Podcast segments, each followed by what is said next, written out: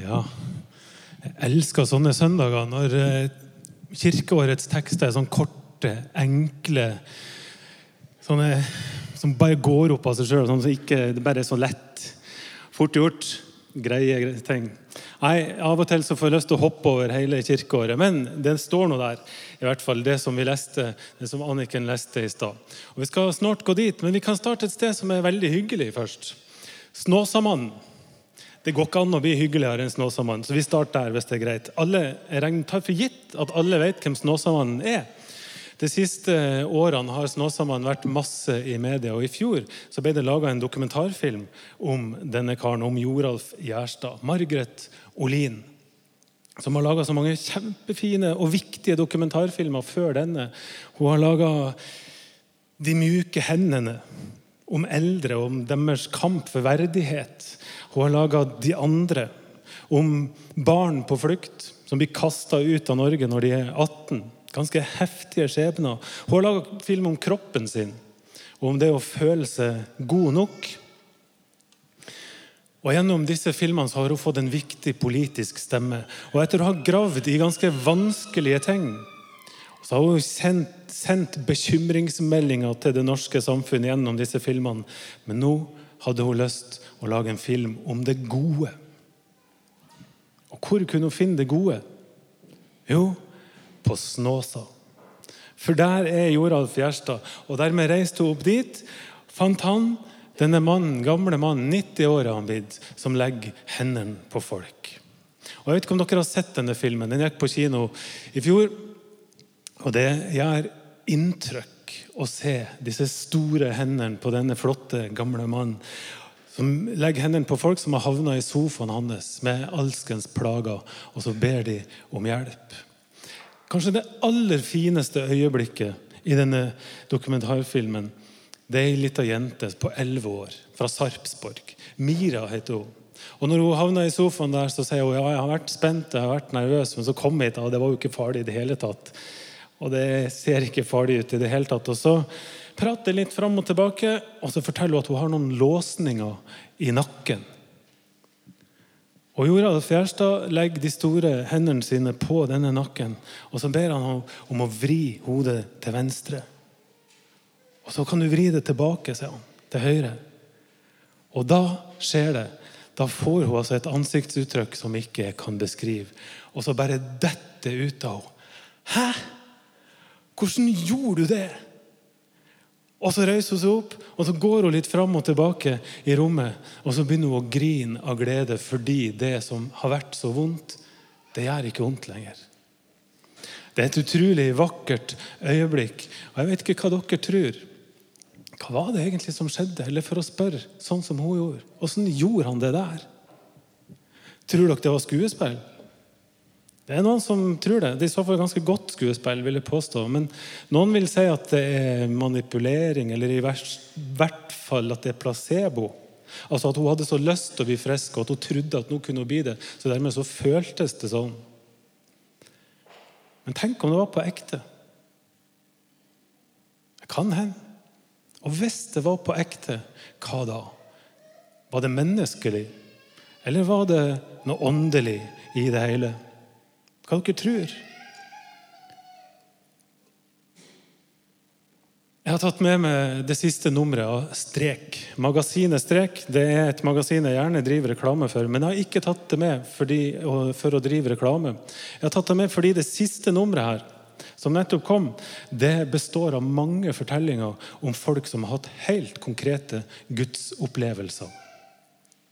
Det er referert for til en del bibelske historier om Paulus for eksempel, som er på vei til Damaskus, og så får han dette voldsomme synet der han ser Jesus og møter Jesus. Eller de tre disiplene, Peter, Jakob og Johannes, som blir med Jesus opp på et fjell, og så blir Jesus forvandla sammen med Moses og Elia. Rart og veldig veldig heftig. En del sånne bibelske ting er med. Og så er det litt nærmere vår tid. Det fortelles om en egyptisk eremitt fra 300-tallet. Han bodde ute i ørken der, fikk en, en uh, opplevelse. Therese av Avila, som var nonne på 1500-tallet. Hans Nilsen Hauge, som bodde i Norge på slutten av 1700-tallet og begynnelsen av 1800-tallet. Alle disse hadde sterke gudsopplevelser som satte preg på livet deres. Men det meste her det er historier fra vår tid. Strek forteller f.eks. For om Erling Rimehaug, som så Jesus holde rundt ei fortvila dame som satt på sida. Det er en historie her om ei dame som lå syk i senga si. og Plutselig så sto Jesus foran henne og viste fram innsida i hendene sine. og Der var det masse arr og masse blod. Her er historien om en rusmisbruker som hørte en stemme og så et lys. og Fra den dagen er livet forandra. Og så er historien selvfølgelig om Charlotte Rørt, som jeg har fortalt til dere før. Denne danske journalisten og intellektuelle som, og ateisten som er, befinner seg i en kirke i Spania.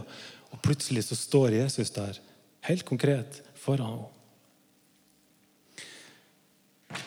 Til alle tider så har mennesker hatt Guds opplevelser, og gjort erfaringer av den åndelige verden.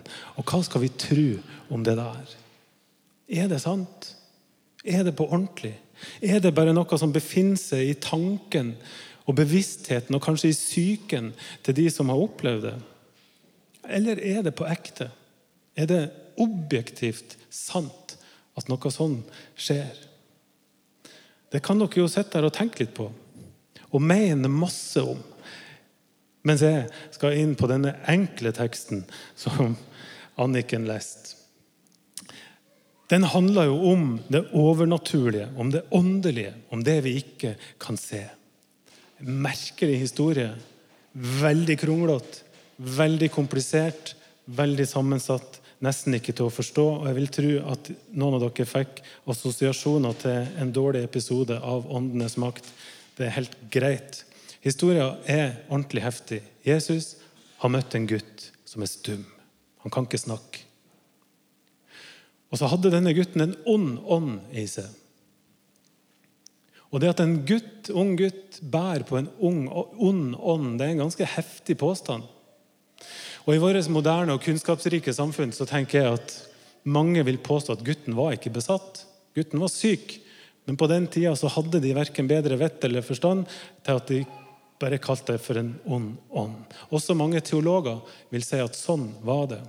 Men jeg legger merke til at her står det bare som en selvfølge. Det veies ikke så mye opp og ned. Det tas, står bare der. Teksten problematiserer ikke dette her. Den beskriver ikke ånden eller hva den gjør, annet enn at den er ond. Uansett så har Jesus kontrollen. Jesus driver denne ånden ut av gutten, og plutselig begynner denne stumme gutten å snakke. Han som aldri har sagt noe, plutselig så begynner han å prate. Er ikke det fint? Det er jo helt fantastisk. Flott. Og dette får folket til å undre seg. Og når undringa har lagt seg, så kommer de kritiske røstene. Som vanlig. De går rett i strupen på Jesus. Og så sier de at grunnen til at du klarte dette, her, det er at du står i ledetog, at du fikk hjelp av djevelen. Det er pga. djevelen at du har makt over onde ånder. Og så kommer dette som er så kronglete og så vanskelig å gripe tak i og tungvint formulert. Men Jesus' sitt svar er egentlig ganske enkelt, og det er helt logisk. Han sier det at hvis jeg er djevelen eller hvis jeg står i ledetog med djevelen, hvorfor i all verden skulle jeg da drive ut en ond ånd? Det er jo en sjølmotsigelse. Det er jo å motarbeide seg sjøl. Det er jo motsatt, sier Jesus. Jeg har makt over det onde, ja, men det er jo fordi jeg står sammen med Gud. Gud er tvers igjennom god. Derfor er det jo Gud som kjemper imot det onde. Gud er sterkere enn djevelen og alle hans demoner. Og det dere har sett nå, det er et tegn på at Guds rike er midt iblant dere. Så det dere beskylder meg for, sorry, det er helt motsatt. Jeg står i ledetog med Gud. Og så fortsetter Jesus at eh, onde krefter de leter, onde åndskrefter de leter alltid etter et sted der de kan slå seg ned. Paulus har sagt noe om dette, her, han òg. Og Det er jo nesten så man kan bli mørkredd. Altså. Han sier vi har ikke en kamp mot kjøtt og blod, Men vi har en kamp mot makter og åndskrefter, mot herskere i mørket og ondskapens ånde her i himmelrommet. Og nå har jeg aldri sett kraftverket så alvorlig før. For det er heftig. Det er utrolig drøye ting, og det er jo skummelt. Men hør, så avslutter Jesus hele greia med å si Salig er den som hører Guds ord og tar vare på det. Hørte dere det? Salig er den som hører Guds ord og tar vare på det. Hvorfor slutta Jesus det her? Jo, fordi den onde kan aldri få makt over noen som søker Gud. Den som søker Gud, har valgt den sterkestes side. Og sjøl om det fins vanskeligheter i alle kristnes liv, så befinner ikke makta seg der det er ondt. Makta befinner seg i håpet. Makta befinner seg i nåden. Makta befinner seg hos Gud, som har frelst oss fra det onde. Makta befinner seg hos Gud, som er sterkere enn alt vi sliter med. Hørte dere det? Takk. Du hørte det. I hvert fall én. Så tenker jeg at det er mulig å krangle om nesten alt som står i Bibelen. Og I min bransje er jeg pastor, så du verden som det krangles om det ene og det andre. Men jeg tenker at det er én ting som er vanskelig å krangle om. Det må nesten vi bare være enige om. Og det er at Bibelen, altså Uansett hva man står for i andre saker, så tenker jeg at Bibelen den beskriver og hevder at det fins en åndelig verden. Det er helt fundamentalt i den kristne tru.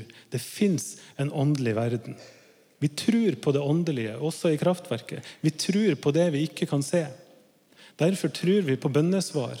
Vi tror at det går an at det skjer helbredelser i Guds navn. Vi tror at ingenting er umulig for Gud. Vi tror at Gud kan oppheve våre fysiske lover. Det må ingen være i tvil om. Husker dere ute i vår hage? Ja, men Bård og Harald, som allierte seg med Atle Antonsen for fem eller ti år siden, sånt, de, de, gjorde så mye gøy, syns jeg. Og en av de morsomste tingene de gjorde, syns jeg, da, det var en sekvens der de, som de laga, der de, det spøk på Humanismens hus. Så dere det noen gang? Ja? Artig, da. For en artig idé, egentlig. Eh, jeg kjenner humanetikere som også syns dette er artig. Jeg må bare si det. Men der skjer det altså inne på Humanismens hus, og plutselig så, så stiger det en telefon til værs.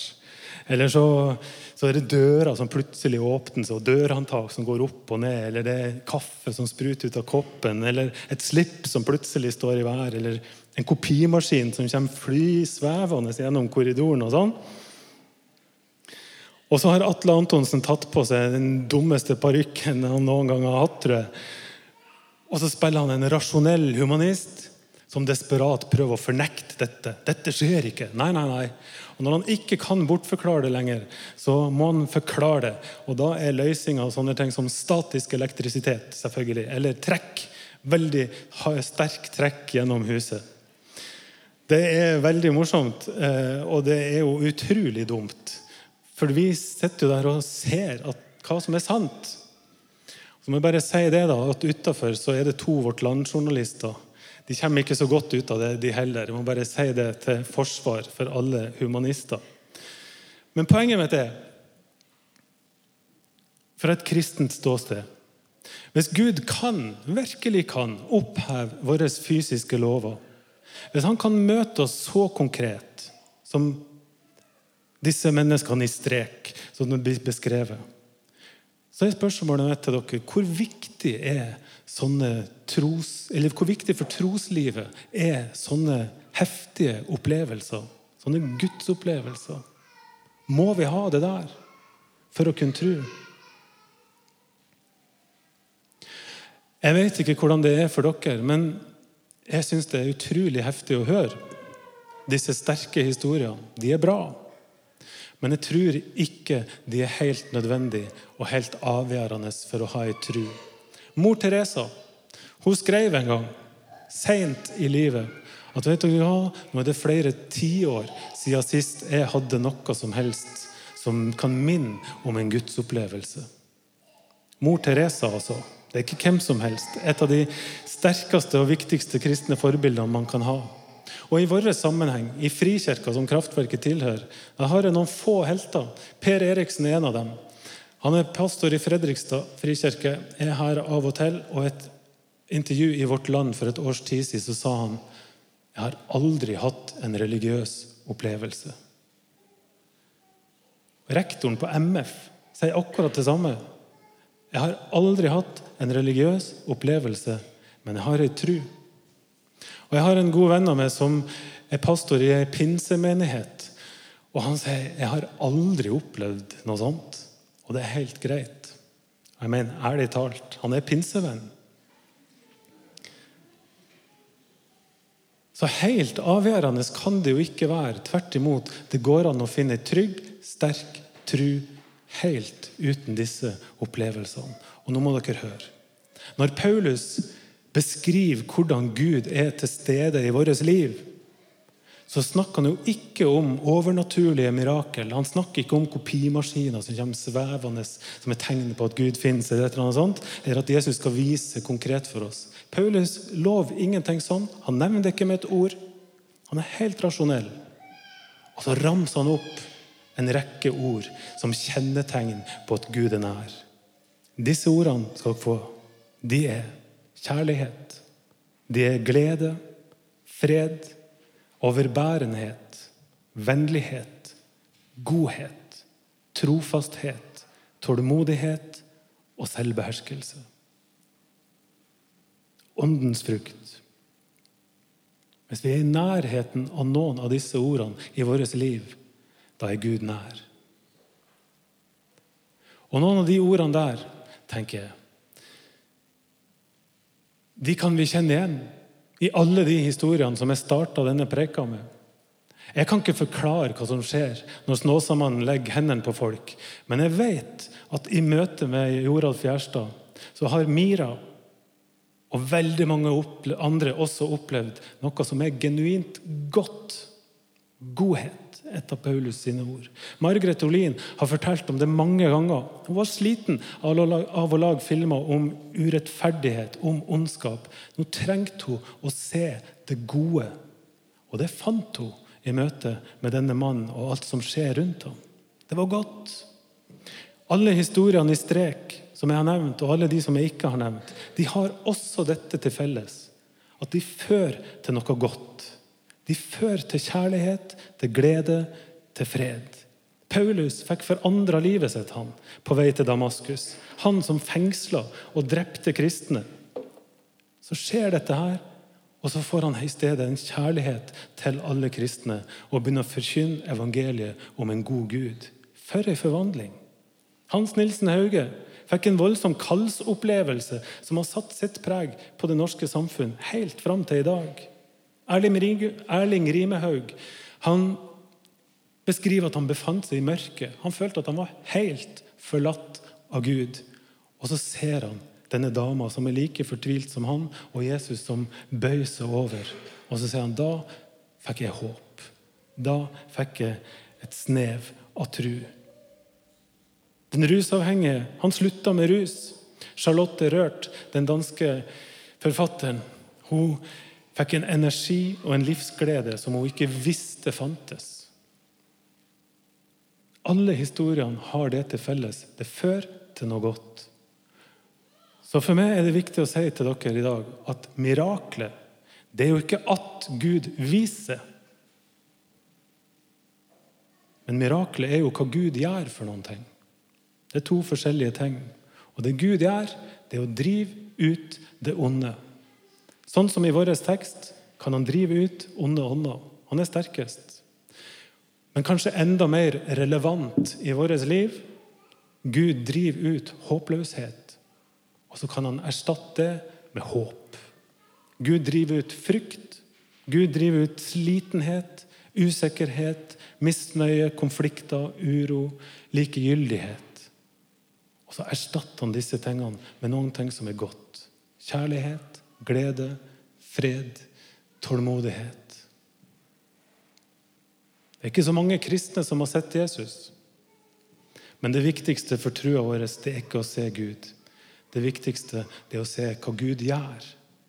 Og der tror jeg de aller fleste, jeg tror alle kristne, har ganske mye å fortelle.